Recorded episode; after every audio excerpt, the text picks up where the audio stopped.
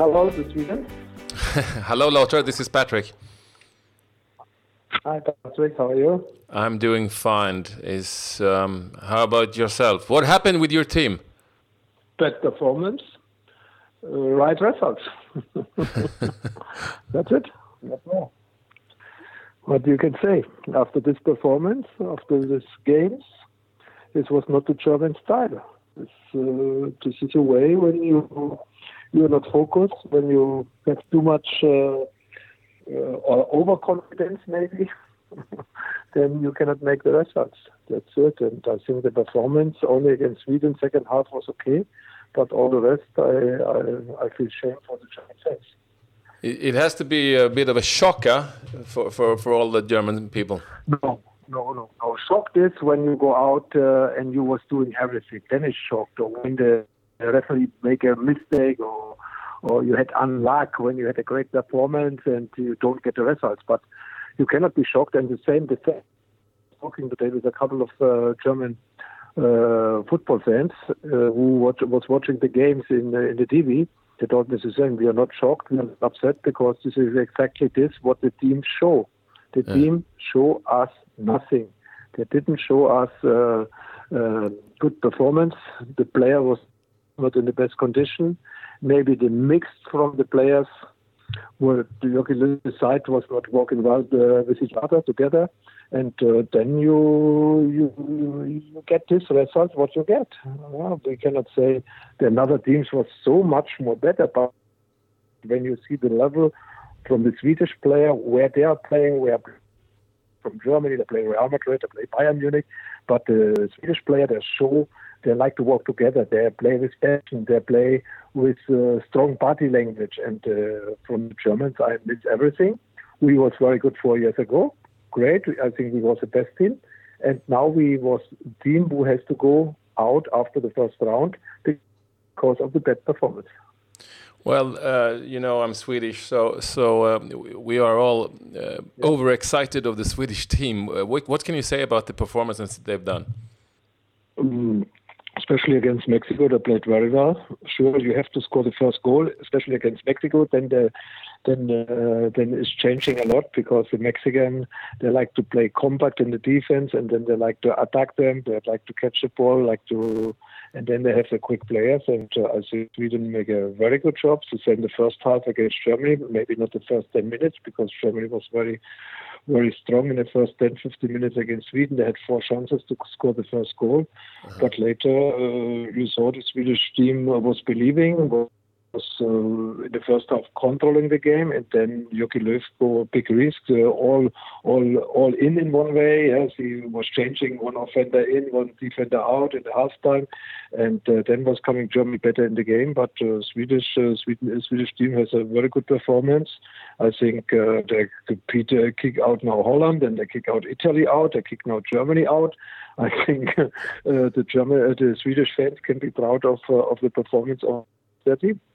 Well, there is a lot of people, of course, saying this is a it's a boring team. Even in Sweden, they say this is boring because we miss. Some people will say we miss Zlatan, and some people will say we don't play the a fashion football. What can you say to these people? Uh, uh, sure, Sweden was never playing uh, Spanish style, or uh, Sweden was never playing Brazilian style. Only when they had the high level player like uh, Lars, like like Ibrahimovic. Sure, they had a superstar in their team, but I think the important thing for the Swedish result is the team spirit, and each each player feels he is important, each player. And when Zlatan is playing, it's only Zlatan important and not the team. And I think with this team spirit, Sweden make the results against uh, Holland, against Italy, and uh, now uh, in the World Cup. And for me, when Zlatan is there, I like to see Zlatan. Zlatan is an excellent player. He's a uh, over level player, and uh, his personality is great for the World Cup too. But I think cannot be is not good for the Swedish team because the Swedish team was uh, coming from the team spirit. And when Zlatan, the superstar, is uh, included, then everything everybody is talking about Zlatan. This is not good for the team spirit, and I think was the right decision from the coach. He was believing the qualification. So, how about the chances for the Swedish team against Switzerland? Uh, it's an open game. It's uh, it's a game.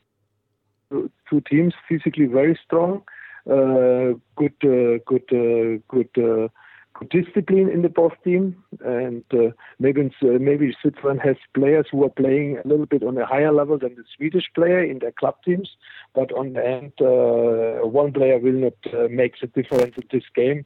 This is the same Switzerland coming from the team spirit like Sweden and uh, will be a tough game for both. And uh, I think it's a 50-50 game. It's uh, it's uh, sure not the highlight for this World Cup when Switzerland has to play against Sweden, uh, but uh, they had good games in the in the in the in the, in the, group where Switzerland played the same a, a draw against against Brazil.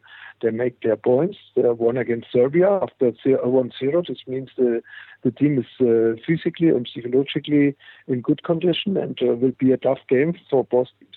So, in general, uh, what, what, what do you make of this of this World Cup so far? Um, first, the atmosphere in Russia is amazing.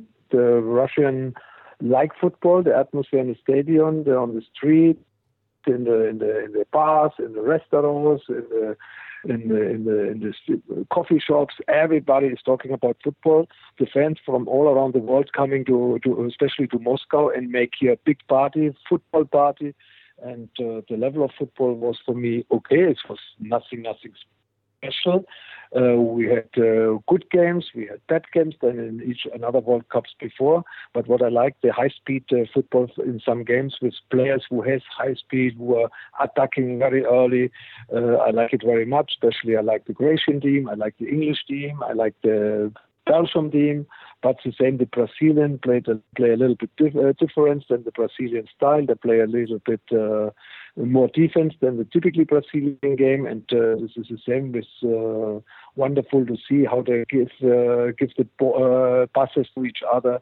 Yes, I think we we cannot be upset to to have this World Cup here in Russia of the of the performance of the team and the same of the atmosphere in the country.